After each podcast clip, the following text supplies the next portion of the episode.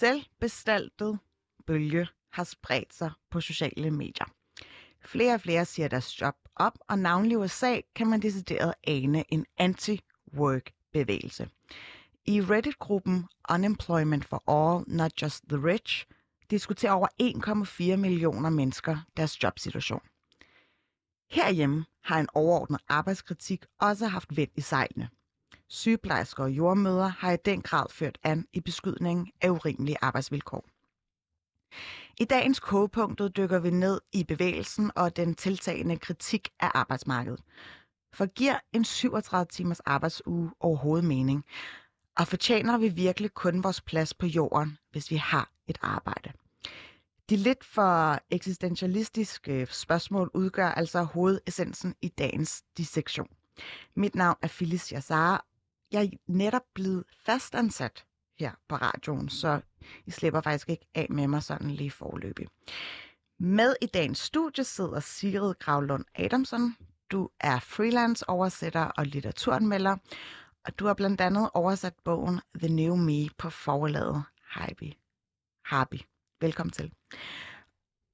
Og før vi kredser om den her worldwide job sabotage, vil jeg gerne zoome ind på et værk, der har spillet en stor rolle i din side øh, forståelse af det at have et arbejde og øh, arbejdsmoralen som sådan.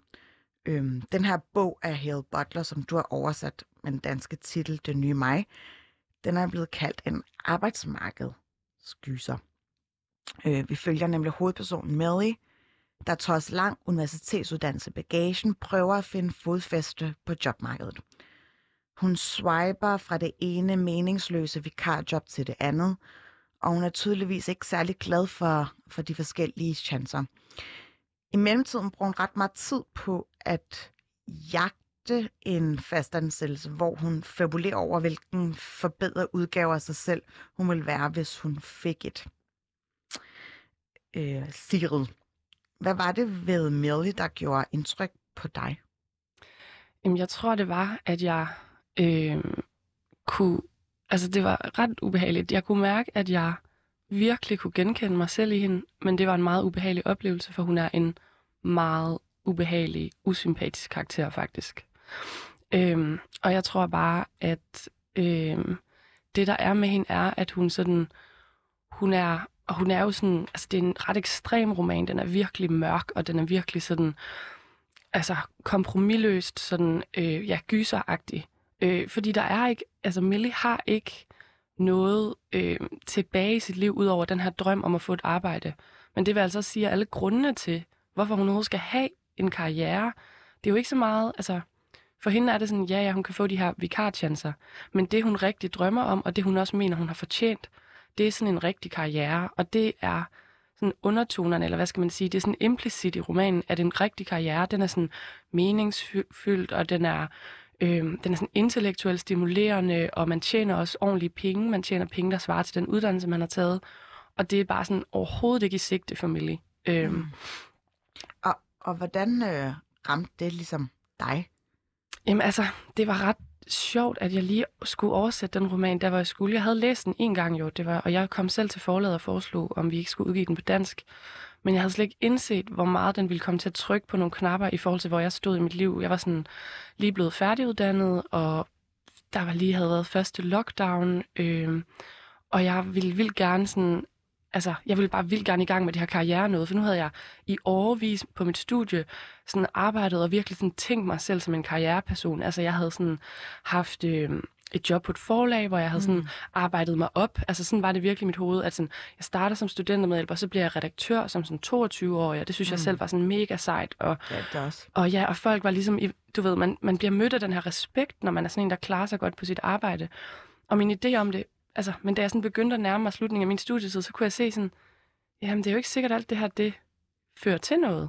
Altså, det er nemt nok at have ansat en studerende som, som, student, altså, som studentermedhjælper, skråstrej redaktør, fordi man kan bare lønne hende som en studentermedhjælper. Men hvad så, når hun skal fastansættes? Hvad, hvad sker der så?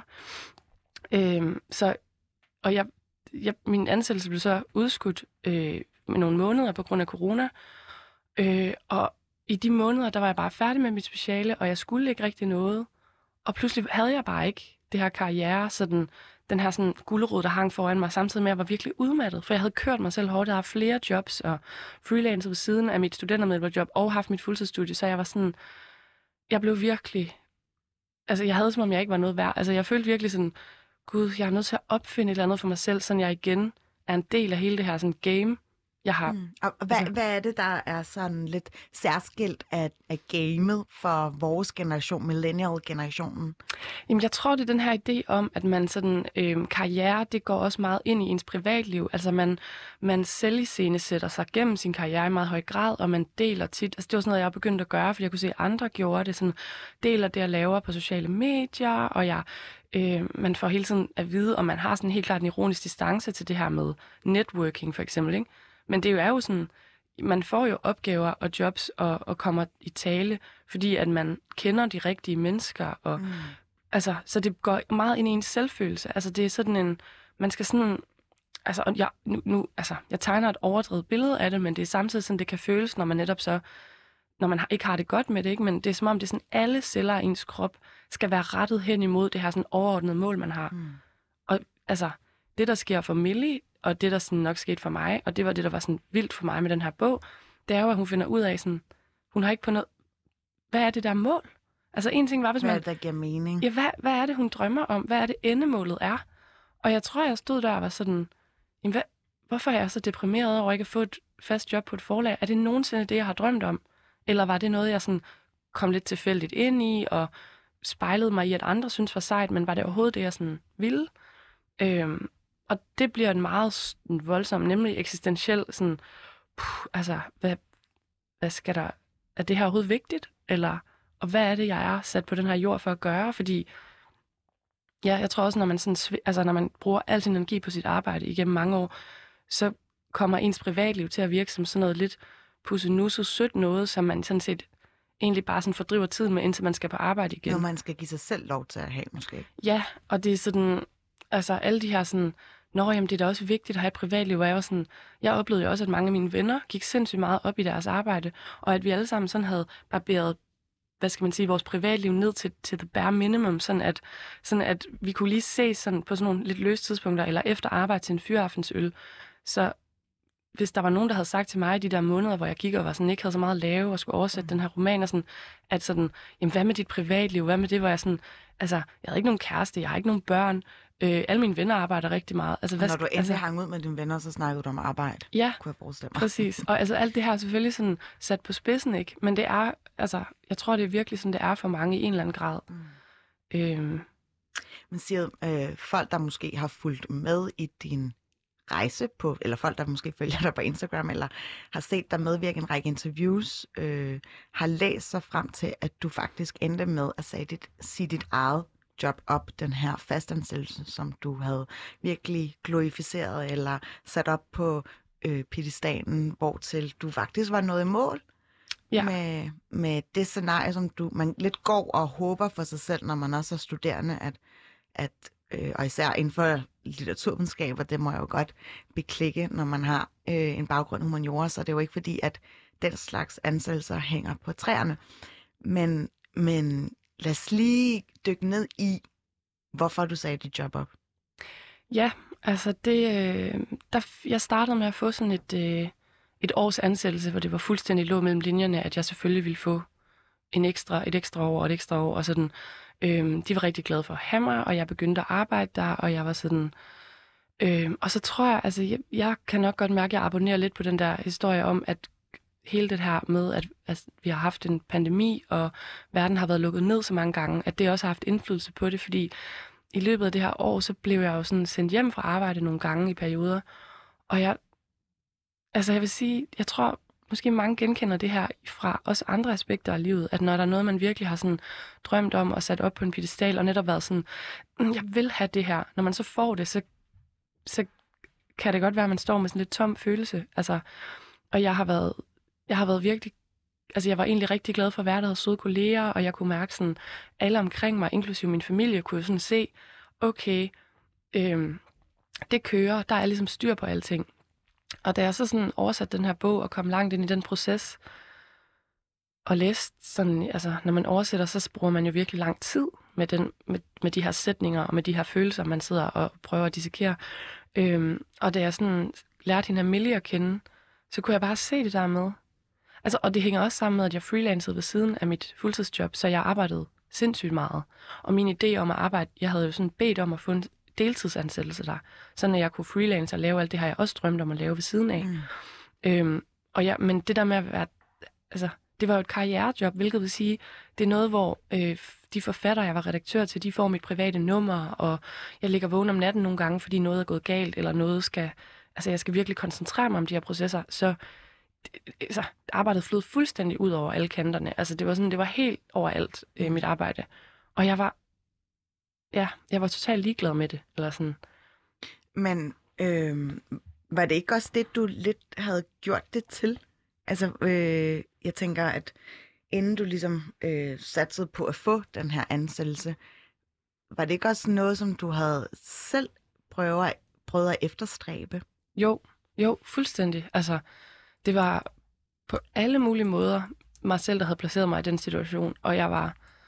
Øh, da jeg så endelig sagde op, så var der jo også bare et hav af mennesker omkring mig, tæt på mig, som var sådan, endelig... Ja, hvad sagde folk egentlig? Jamen, de var jo glade for, at det skete, for de kunne jo selv se, at jeg havde været totalt forblændet af den her idé om karriere, og jeg havde egentlig i flere år, også inden jeg var færdig med at studere, sådan slidt mig selv lidt op på det.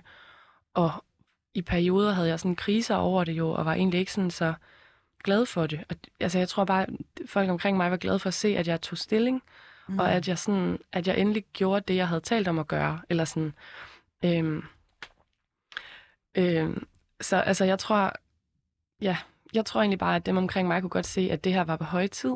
Øh, men jo, det er helt sikkert mig selv, der har... Altså, jeg tror også, det jeg ligesom er her for, og der er grund til, at jeg stiller op til de her interviews, det er fordi, at jeg manglede nogen, jamen virkelig, altså jeg manglede nogen, der kunne, der kunne, jeg kunne spejle mig i, ja. i den her tvivl, og i den her sådan, i de her modsatrettede følelser. Fordi når jeg siger det der med, at jeg gik sådan op i karriere, så vil jeg sige sådan, ja, jeg gik vildt meget op i mit arbejde, men det var jo bare, det synes jeg er helt okay at gøre. Jeg synes, det er helt okay at drømme om, at man får lov til at være med til at bestemme noget, at man får lov til at...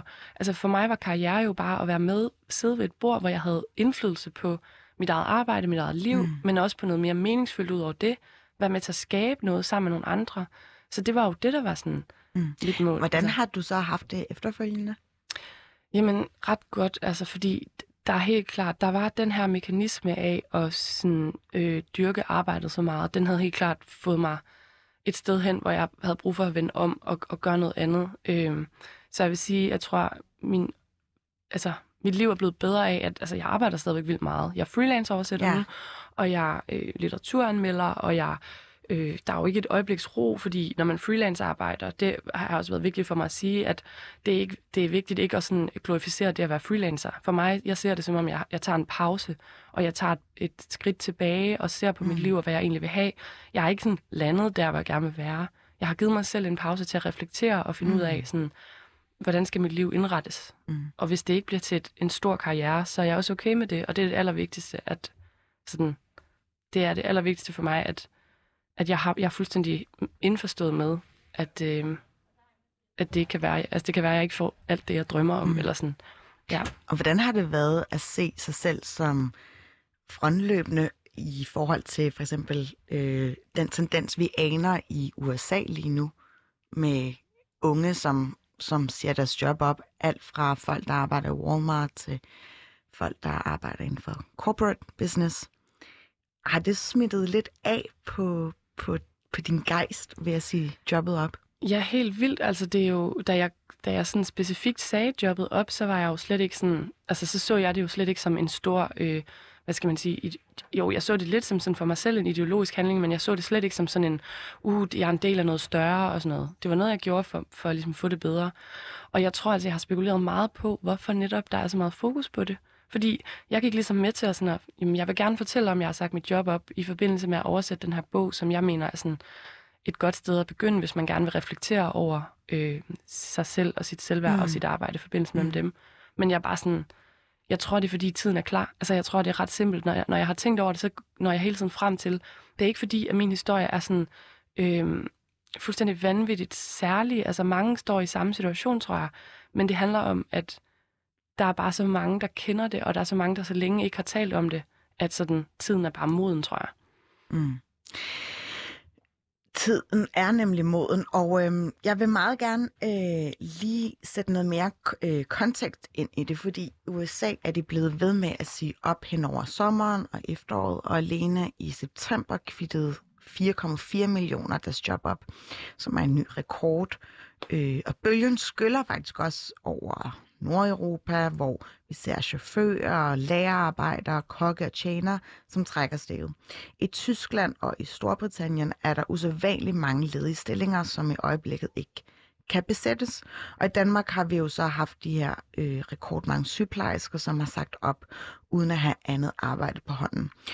Og mange flere tænker på, at måske sige sit job op. En undersøgelse fra Microsoft har vist, at 41 procent af klodens samlede arbejdsstyrke overvejer at sige deres job op. Det begynder altså at ligne noget dybere og vigtigere end den øh, stoleleg, som man kunne forvente under en pandemi. Det der med, at vi arbejdede hjemmefra og fandt ud af, at det sagtens skulle fungere. Så spørgsmålet er bare, om, om det har tiltagende sådan dræbt øh, vores forståelse af at have lyst til at gå på arbejdet. Øh, hvordan har det haft sådan en, en hvad skal jeg sige, en, en revurderet forståelse af, at, at for din arbejdsløst, det her med, at du har kunne se, at der er faktisk ud over dig selv folk, der har sagt op? Altså jeg vil sige, sådan, jeg vil sige to ting, og det ene er, at jeg kan huske følelsen af at arbejde hjemmefra under øh, lockdown, hvor jeg havde det her faste job, jeg ikke havde sagt op endnu. Øh, og der kan jeg huske at tænke, at jeg var meget umotiveret, fordi jeg, jeg manglede den der sådan, kontakt med kolleger, og jeg kunne ikke sådan, mm. øh, det føltes ikke særlig, altså, det føltes ikke særlig vigtigt. Og jeg lavede lige pludselig også meget mindre. Jeg fik jo ikke så meget fra hånden. Og jeg altså bare... lavet mindre, fordi du var så fokuseret på, altså der var ikke søvdearbejde, eller? Nej, jeg tror, nej, jeg mener, jeg, jeg var ikke ret effektiv. Jeg fik ikke rigtig gjort noget færdigt. Jeg var meget, meget umotiveret. Altså jeg var jo brændt ud, mm. sikkert fra et medicinsynspunkt. Øhm, så jeg kunne ikke sådan rigtig være motiveret. Problemet var, at der var ikke, det virkede som om, der ikke var konsekvenser ved, om jeg gjorde mit arbejde eller ej. Og sådan, så på den måde opdagede jeg jo også lidt, at måske var der en del af mit arbejde, der var lidt søvdearbejde, eller måske virkede det vigtigere, når man sad inde på det kontor, og en chef gik forbi, og pludselig gjorde der ikke det. Og sådan. Altså, det, er, det er nok det, jeg mest har, sådan, har erfaringer med lige det, men jeg tror, det der nok... Altså, min, min forståelse af det her med, flere de siger op, ikke? Altså, øh, det er jo meget... Altså, det handler jo simpelthen om, at hvis man har indtrykket af, at der ikke, det ikke har så store konsekvenser, fordi for eksempel, der er så meget efterspørgsel efter arbejdskraft, øh, som der jo for eksempel har været nogle sektorer under øh, mm. den her pandemi og den, de lockdowns, vi har haft i Danmark, så er det jo klart, at man kan sige, altså man kan sådan tænke, jamen altså hvis ikke den her arbejdsgiver vil give mig en ordentlig løn, og ikke vil høre på, at det er for hårdt at arbejde under de her vilkår. Så føler man sig heller ikke selv værdsat. Nej. Og jeg tror altså, altså det, jeg tror, det er virkelig komplekst, fordi det er sådan, det er sådan, har man lyst til at på arbejde, sådan, Jamen, altså, jeg har aldrig nogensinde spurgt mig selv, om jeg skulle arbejde. Jeg har heller aldrig holdt op med det. Jeg har arbejdet siden jeg var 14. Altså sådan, øh, det er ikke så meget det, det handler om. Det er mere sådan, under hvilke vilkår, hvad vil jeg egentlig finde mig i, og hvad kan give mening? Og nu arbejder jeg jo specifikt, og det tror jeg er vigtigt altså for mig at understrege. Jeg taler fra et perspektiv, hvor jeg arbejder i sådan en kreativ branche, men hvor man også laver... Er det så også et privilegeret perspektiv? Ja, altså det er det helt sikkert på nogle punkter. Altså man kan sige, øh, jeg tjener ikke særlig mange penge, og jeg er tilhørt det, man kalder prekariatet, eller det her nye prekariat i hvert fald, ikke? i et eller andet omfang. Men samtidig så er jeg jo sådan, det arbejde, jeg har lavet, er ikke særlig opslidende. Jeg har, altså, det er ikke specielt fysisk opslidende, det er mentalt opslidende nogle gange, men det er sådan, øh, jeg har en virkelig lang uddannelse, og jeg har en privilegeret baggrund, så sådan, jeg, jeg, altså, det er helt sikkert ikke, altså, jeg kan helt sikkert ikke tale for alle sygeplejerskerne, der mm. siger op, for eksempel. Mm. Det er noget fuldstændig andet. Og det vil jeg faktisk gerne øh, vende tilbage til, fordi nu skal jeg byde Janne Glerup velkommen øh, til udsendelsen. Du er arbejdsmarkedsforsker, eller er du lektor i arbejdsliv? Ja, begge dele. Jeg plejer at kalde det arbejdslivsforsker. arbejdslivsforsker. Okay, så fik vi i hvert fald ja. det præciseret. Og inden vi ligesom øh, kaster de her øh, bolde med spørgsmål op i luften, så skal jeg lige afspille et klip, som øh, var ligesom startskuddet på, hvordan den her anti-work bevægelse kickstartede på sociale medier. Det lyder sådan her. Attention all Walmart shoppers, associates and managers. My name is Shauna from CAP 2, and I just want to come on here and say Henry is a racist, stinky prick. Giovanna is racist. Elias is a prick of a manager. This company fires black associates for no reason. This company treats their employees like shit, especially Cap 2 and Jimmy from Sporting Goods, Joseph the cashier, Larry from Garden Center. You are all perverts. And I hope you don't talk to your daughters the way you talk to me. Shout out to Ariel. Fucking love you for getting me this job a year ago when I needed it most.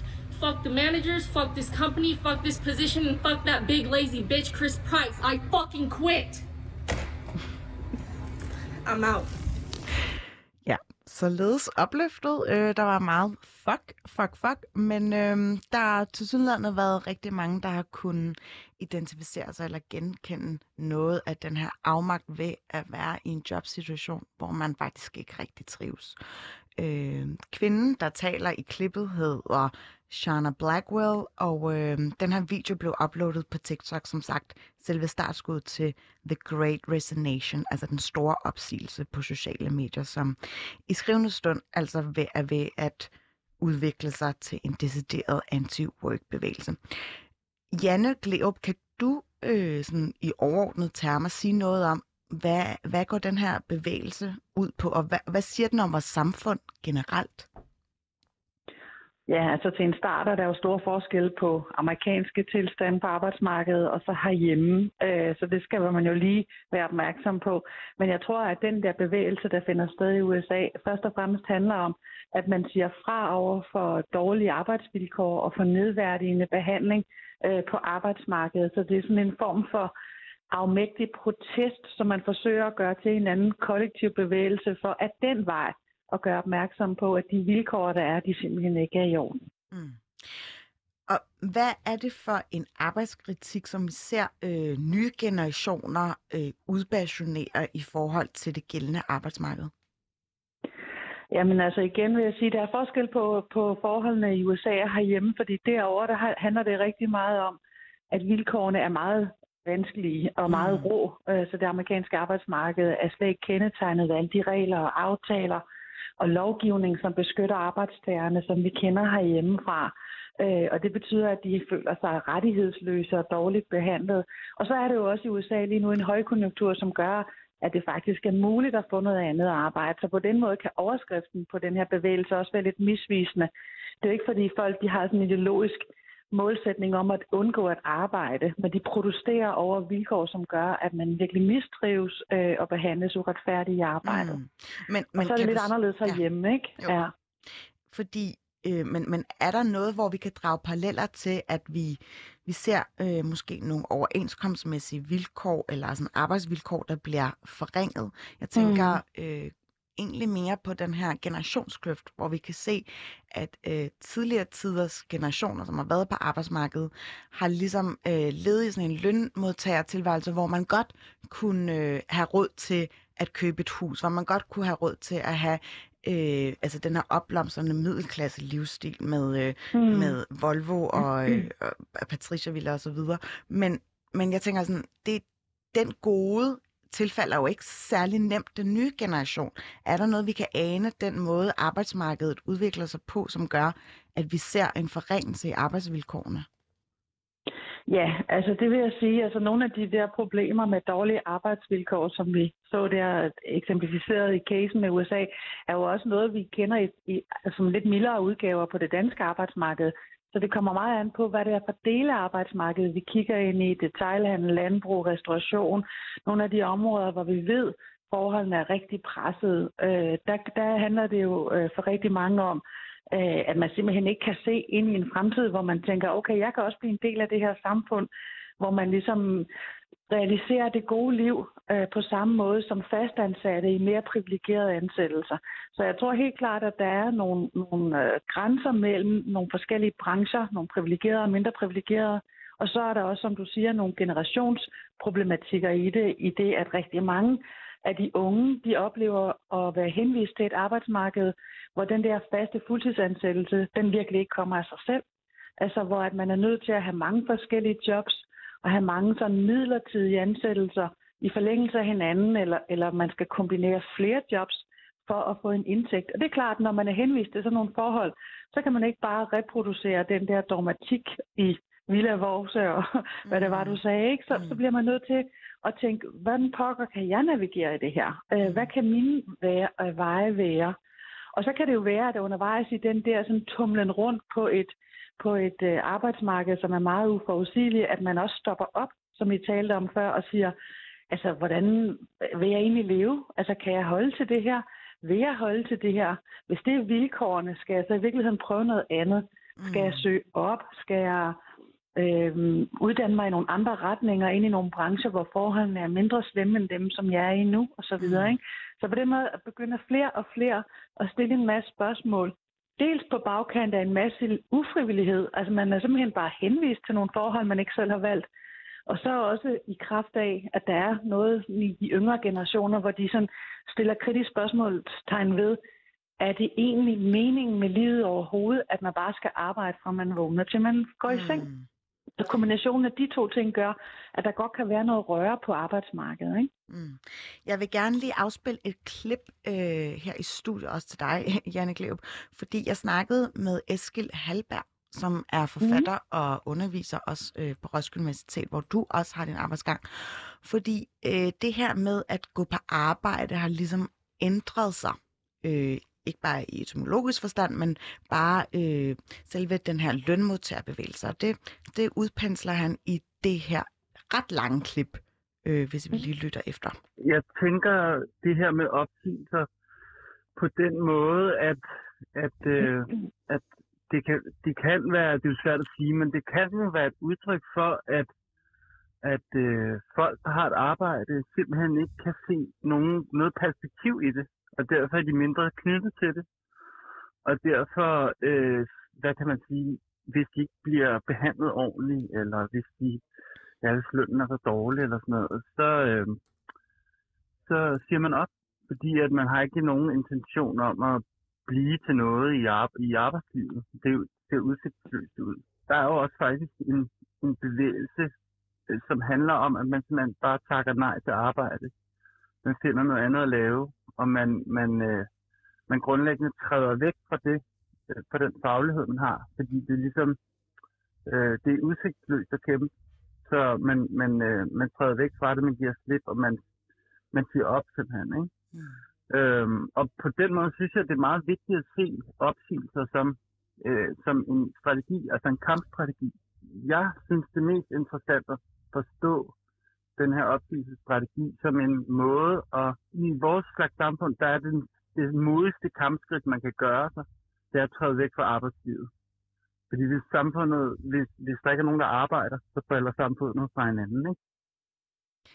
Ja, øhm, er det rigtigt forstået, Janne Gleup, at øh, samfundet simpelthen ikke kan hænge sammen, når, øh, når vi ser den her øh, bevægelse, hvorpå flere og flere siger op? Altså i yderste konsekvens, så er jeg jo helt enig med Eskil i, at det er klart, at vores samfundsøkonomi og hele den måde, vi har indrettet den vestlige verden på, øh, forudsætter, at folk arbejder. Ikke? Mm. Øh, det er klart, at hvis der kommer et, et eller andet tipping point i, at rigtig mange siger op, så får vi en problematik altså på, på, på det uh, spørgsmål.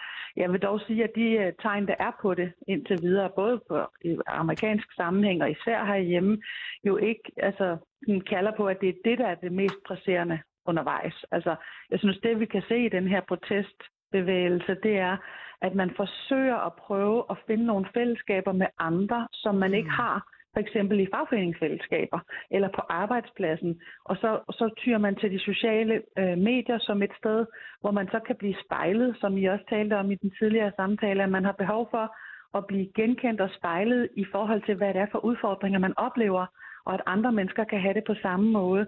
Og på den måde kan der så opstå noget energi omkring øh, retten til at respektere sig selv så meget, at man siger fra over for det, man bliver budt. Mm. Især, ja, undskyld. Jamen, jeg vil bare lige øh, bryde ind, for jeg tænker nemlig, at øh, du siger tidligere, øh, Janne Kleup, at det her med, at, at du tænker ikke, at det der med at sige op, det egentlig betyder, at man sådan ikke vil deltage i arbejdet, og det tror jeg er rigtigt sådan i, i, i et vist omfang. Men jeg tror egentlig også, at, øh, at man netop godt kan forstå det som sådan en, og, og det, det er noget, jeg virkelig oplever folk omkring mig, ligesom give udtryk for det her med sådan, jo, men det er faktisk at sige, altså det er den her i yderste konsekvens sådan protest. Altså det kan mm. være en protesthandling at sige op på den her måde, hvor man sådan siger, hvad hvis jeg siger, at jeg ikke vil arbejde? Hvad vil I gøre? Altså sådan, mm. øhm, ja. og sådan, jeg, jeg har den eneste magt, jeg har tilbage i det her system, er at sige, Nå, det kan godt være, at der ikke er så mange bag mig endnu, men det kan de jo komme, og hvis jeg ligesom spreder den her idé om, at sådan, ja, vi vil faktisk ikke arbejde, ikke under de her vilkår, der skal noget, nogle radikale forandringer til, før vi vil arbejde. Ja. Altså sådan, sådan ser jeg det også lidt. Altså jeg, ser, jeg, jeg synes, det virker som om, der er mange, afgren, altså mange grene af den her bevægelse, øh, også i Danmark. Mm. Mm. Øhm, og jeg, jeg, jeg gør det jo meget klart, at jeg ikke står for den her sådan, jeg vil slet ikke arbejde, altså, fordi det, det kan jeg i hvert fald ikke vise i mit sådan, det kan jeg ikke vise helt konkret, at jeg har gjort, for jeg arbejder jo stadigvæk. Ja. Men, men jeg synes, det, det er vigtigt at tage med. Jeg tror, det er vigtigt at se den protest for, hvad den er også. Mm. Øhm. Mm. Og jeg tænker også, når du siger det, at der findes jo mange, altså, som er optaget af, hvordan vi får reduceret arbejdstid, hvordan vi får gjort arbejdstid mere bæredygtig og arbejdslivet mere bæredygtigt, så vi kan holde til det mentalt. Der er jo også fra klimabevægelsen krav om, at vi er nødt til at arbejde mindre, Præcis. vi er nødt til at producere mindre. Vi kan ikke have et samfundsideal, der handler om, at man banker afsted i hamsterhjulet for at tjene så meget som muligt, for at skynde sig hjem, og så bruge alle pengene i fritidslivet, og så gå på arbejde igen. Altså hele den grundstruktur i industrisamfundet med, med sådan vækstmotoren som udgangspunkt, mm. øh, kan kloden simpelthen ikke holde til, men vi kan faktisk menneskeligt heller ikke holde til det, og vi kommer til at ødelægge noget værdifuldt i arbejdet, som er det, der rækker ud over lønarbejdet. Og man mm. kan jo også skille mellem arbejde og lønarbejde. Man Præcis. kan jo arbejde på mange måder.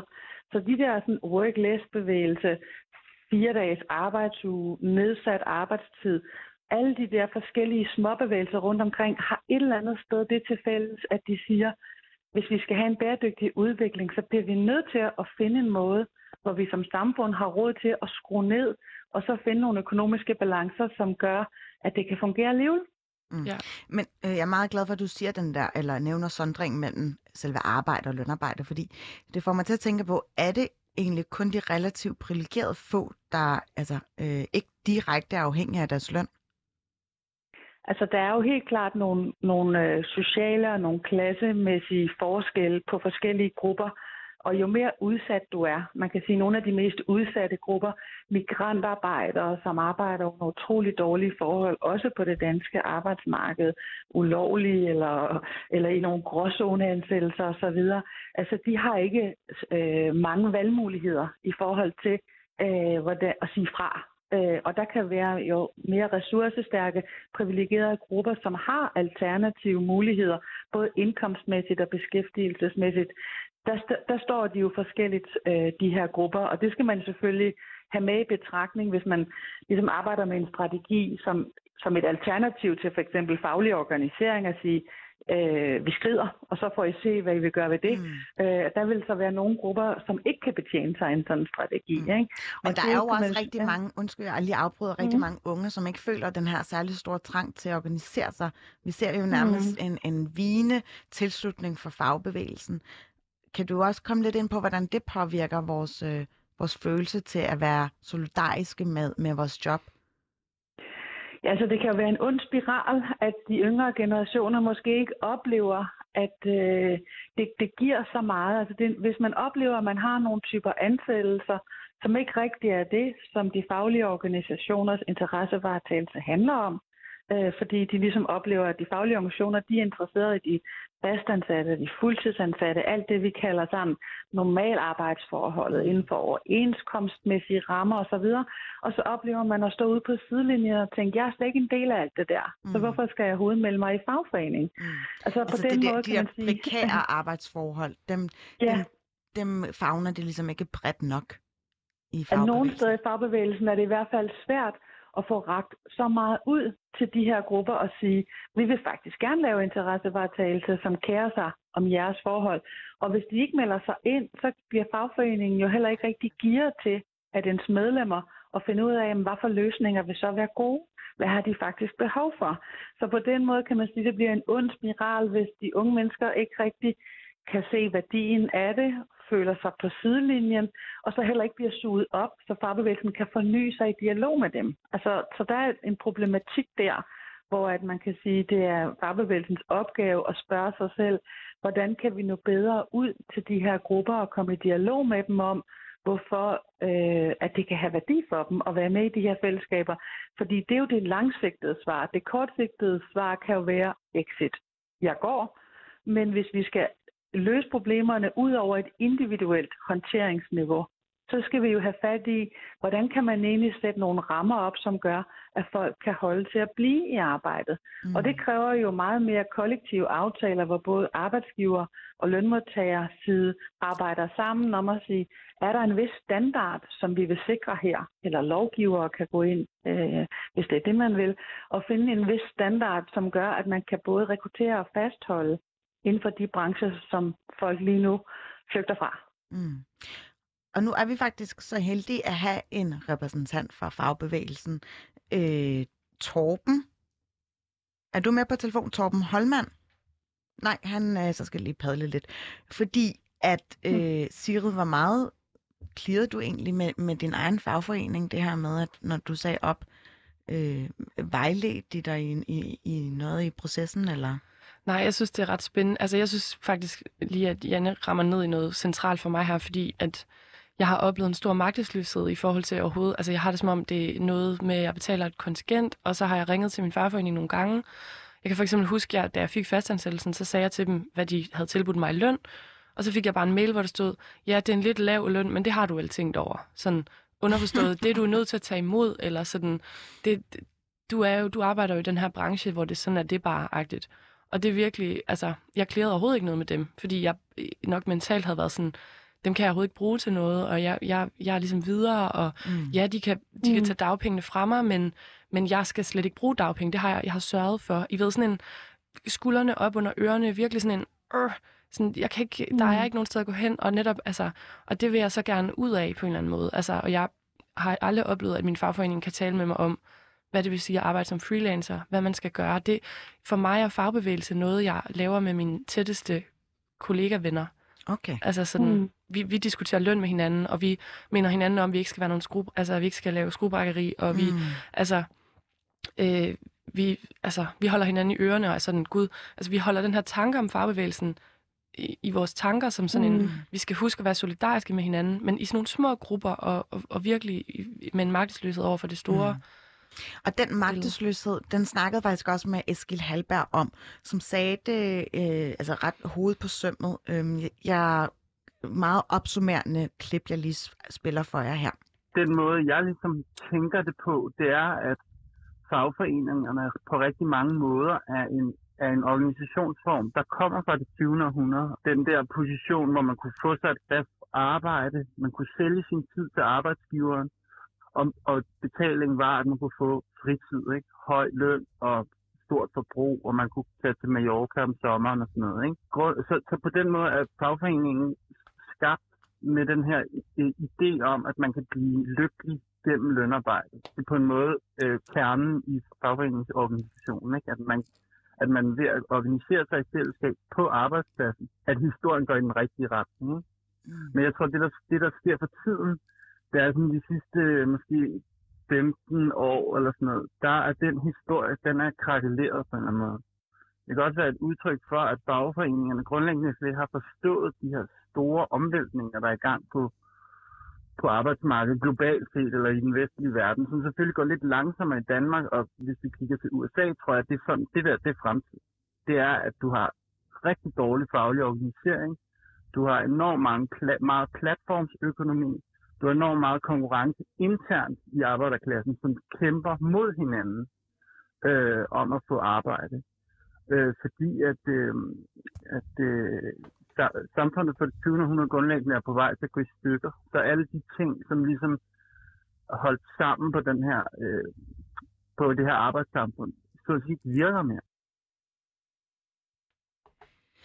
Og så ved jeg, at vi har Torben Holmand med på en telefon. Du er sektorformand i FOA for Social- og Sundhedssektoren. Velkommen til. Tak skal du have. Vi hørte lige et klip, hvor øh, Eskil øh, Halberg ligesom øh, siger, at, at fagforeningerne nærmest har krakeleret, og særligt her de seneste 15 år har de ikke formået at øge tilslutningen til det. Er det noget, du mærker inden for, øh, for FOA? Ja, altså det er jo klart, altså inden for social- og sundhedsområdet gør vi faktisk ikke. Øh, men der er selvfølgelig nogle af de andre områder, hvor vi, hvor vi selvfølgelig godt kan mærke det. Der sker jo to ting, kan man sige, der, fordi er det antallet, der er vigtigt, eller er det organisationsprocenten? Og så også er det organisationsprocenten, der er vigtigt, fordi det er klart, øh, specielt på sundhedsområdet, der falder antallet faktisk, fordi der er rigtig, rigtig mange, der går på pension, og vi får ikke jo ikke mm. nogen nye nogen ind, så, så vil antallet jo øh, forsvinde. Så det er sådan set organisationsprocent, der er den vigtigste. Men det er klart, mm. altså vi bliver jo udfordret, og vil udfordret i et stykke tid faktisk. Og hvad med dem, der har sagt op af sig selv, øh, lidt som øh, symptom på den her bevægelse? Har jeg haft nogle af dem? Nej, altså den øh, bevægelse er jo, øh, kan man sige, for de privilegerede. Hvad mener du med som, det?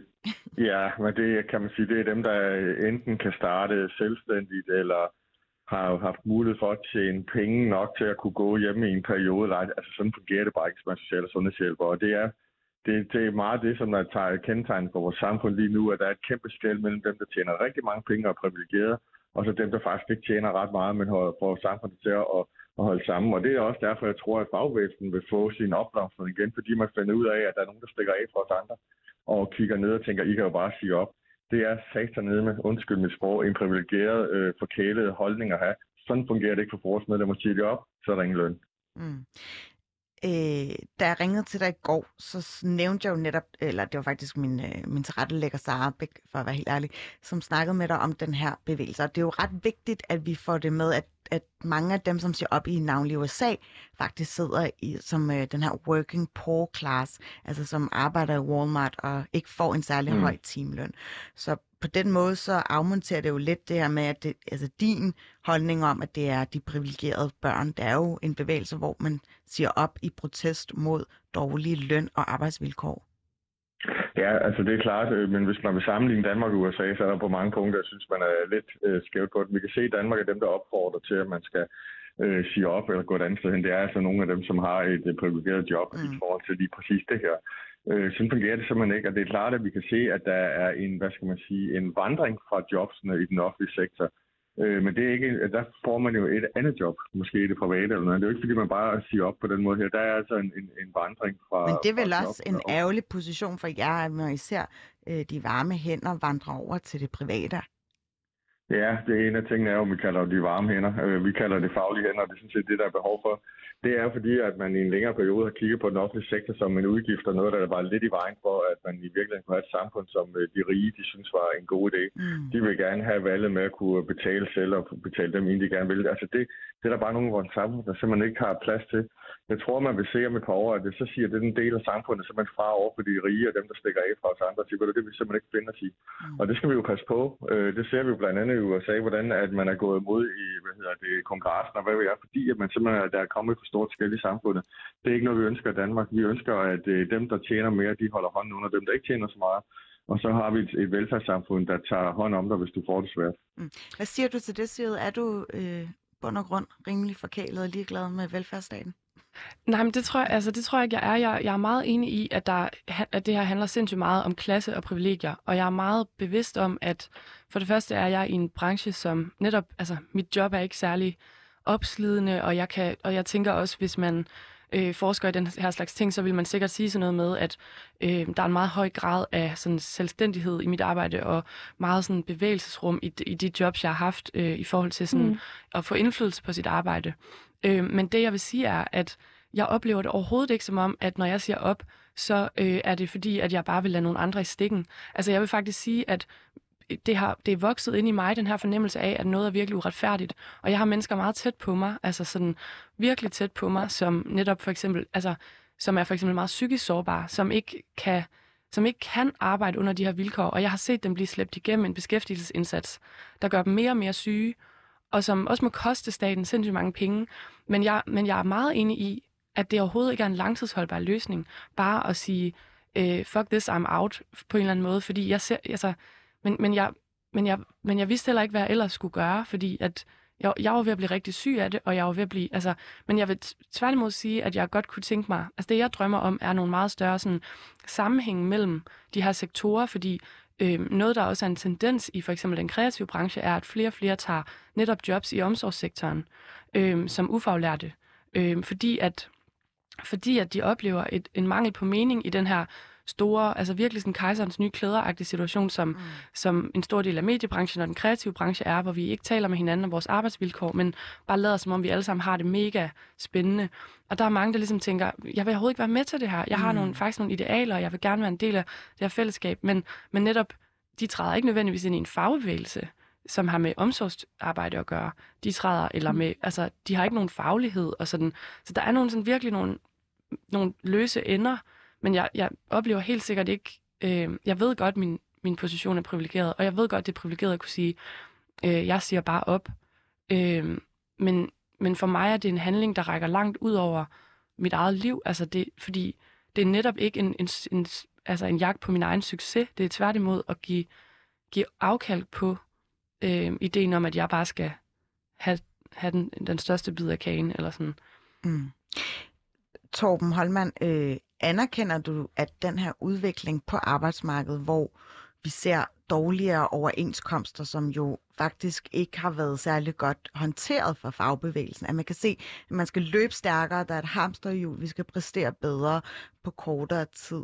At det er med til at afføde en vis afmagt øh, i den nye arbejdstagergeneration.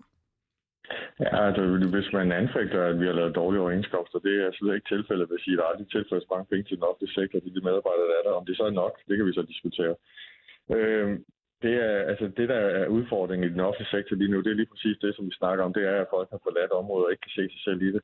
Fordi at vi har fået et samfund, hvor man er, er sig selv nærmest, og hvis det ikke lige passer mig, så finder jeg noget andet øh, på et eller andet tidspunkt, så vågner de op og tænker, hvad satan gør jeg nu? Fordi nu bliver min mor sgu ikke passet. Øh, vi kan se et sundhedsvæsen lige nu, der bliver presset helt i bund, fordi folk ikke vil arbejde osv. Altså det, det er jo en måde at straffe samfundet på. Mm. Jeg er bare ikke sikker på, at det er den rigtige vej, fordi hvem er det, vi virkelig straffer? Så straffer vi dem, som har det rigtig, rigtig svært, som dem, som der præcis er et jobcenter. Hvis nu alle socialrådgiver sagde, at jeg prøver at passe selv, så bliver servicen for dem, som har det sværeste i vores samfund, jo endnu ringere. Øh, det der er, når man er medlem af en fagforening, så går man ind i et fællesskab, og så prøver man at ændre nogle af de ting, som der er fuldstændig grundlæggende for vores samfund. Det er rigtigt, at overenskomst er en af vores hovedopgaver, men i virkeligheden har fagbevægelsen skabt det samfund, vi er i de sidste 100 år. Der er det os, der har sørget for, at der er uddannelse, der er skoler, der er almindelige boliger, der er foreninger, der er alle mulige institutioner, der holder hånden under dem, som har det svagest øh, og sværest den er vi virkelig slippe på nu, fordi at det er blevet øh, sådan lidt egocentreret, og det er sådan set min egen succes, der skal afspejle, om mit liv det er en succes eller ej. Det kunne også være, at man skulle bruge den, det overskud, man havde, i stedet for at sige op, blive sit job, og så gå ud og prøve at gøre en forskel for dem, der har det svært. Altså jeg vil sige, jeg har lige lyst til at bryde ind og sige, at sådan, øh, ja, det er fuldstændig rigtigt, at de allersvageste ligesom kommer til at betale først, eller sådan. men det, som jeg har sagt i alle de interviews, jeg har lavet om det her, det er sådan set, det er ikke mig, der skal betale regningen. Jeg er en eller anden person, altså de fleste af mine lønsedler, de er bitte små, og jeg, jeg, har ikke, altså, jeg er ikke en eller anden person, hvis forældre bare kommer og betaler hele regningen, når, når jeg er i knibe. Så det er ikke mit, det er ikke, altså det der er med det, det er, at vi, vi har en en fuldstændig absurd overklasse i det her land. Altså, det er tilladt at, øh, i praksis at øh, smide penge i skattely, og de rigeste betaler mm. ikke deres skat, og mm. de største virksomheder gør ikke. Så, så min pointe er, det, det er ikke os, der skal sidde her og slås om det her. Det handler om, at at politikerne har magt til Præcis. at føre mange flere, flere penge ind i det her mm. spil. Altså. Og det synes jeg er en vigtig pointe, fordi... Jo, men det, det er, hvis man kun hvis man tager det som udgangspunkt i penge, ja, så er du ret. Men der er jo det, det, vores, øh, vores samfund er bygget op på mange andre ting. Hvornår vi sidst stoppede op på gaden med en, der sidder og drikker til halv og spørger, hvordan har du det? Hvordan er du endt her? Er der noget, jeg kan hjælpe dig med? De fleste af dem, der sidder og drikker nede ved brusen, hvis man sætter sig ned og spørger dem, så er det fordi, der er gået en lille bitte, bitte ting galt i deres liv. Og der var ikke nogen, der greb dem eller spurgte, er der noget, jeg kan gøre for dig? Under corona her, der var mange fyldte postkasser, vi ikke gået forbi, når vi gik op igennem vores opgang og op i vores egen lejlighed. Med ældre mennesker, der siddet og ikke kunne handle en, ikke kunne det ene eller andet. Der burde vi jo have gået ned og sagt, kan jeg hjælpe dig med noget? Altså, mm. det er også det, vi skal ind i vores samfund igen, fordi vi kommer alt, alt for langt væk fra det der. Det er blevet men, meget, men det handler øh, vel også om, Torben, øh, altså hvis vi ser det på den, øh, altså spænder den, i den på den store klinge, altså øh, de velfærdsydelser, som vi før fik øh, ved tidligere generationer, de er jo bare blevet forringet, og jeg synes, at Eskild Halberg siger det meget tydeligt mm. i det her klip lige her. Prøv at tænke på for eksempel, jeg er 38 år, Jeg kan ikke huske, om jeg overhovedet en eneste gang i mit liv har fået en ny velfærdsrettighed. Jeg kan ikke huske det. Hvorimod i efter 2. verdenskrig, der skal du tænke på, efter hvert folketingsvalg, der blev øh, meget ofte, så fik du nedsat arbejdstid, du fik folkepension, du fik nogle kæmpe store forbedringer i dit, i dit arbejdsliv. Øh, jeg er 38 år, jeg kan ikke huske, at jeg har fået en rettighed som arbejder. Og jeg ved godt, at Eskild ikke er med på telefonen uh, live her, men jeg vil, jeg vil gerne lige opsummere ukommelsen om, at vi har faktisk fået rigtig gode barselsrettigheder, bare lige for at øh, okay, den med. For eksempel. Øhm, vi skal til at uh, runde af, men, men jeg vil bare gerne lige få den uh, det sidste pointe med, uh, Torben. Det her med The Great uh, Resignation, kan, hvordan, hvordan kommer du til at håndtere den i fremtiden? Jamen altså, det, det, der er jo der er kun ingenting at gøre. Altså, der er selvfølgelig noget på overenskomstrådet, løn øh, og rettigheder, det er klart.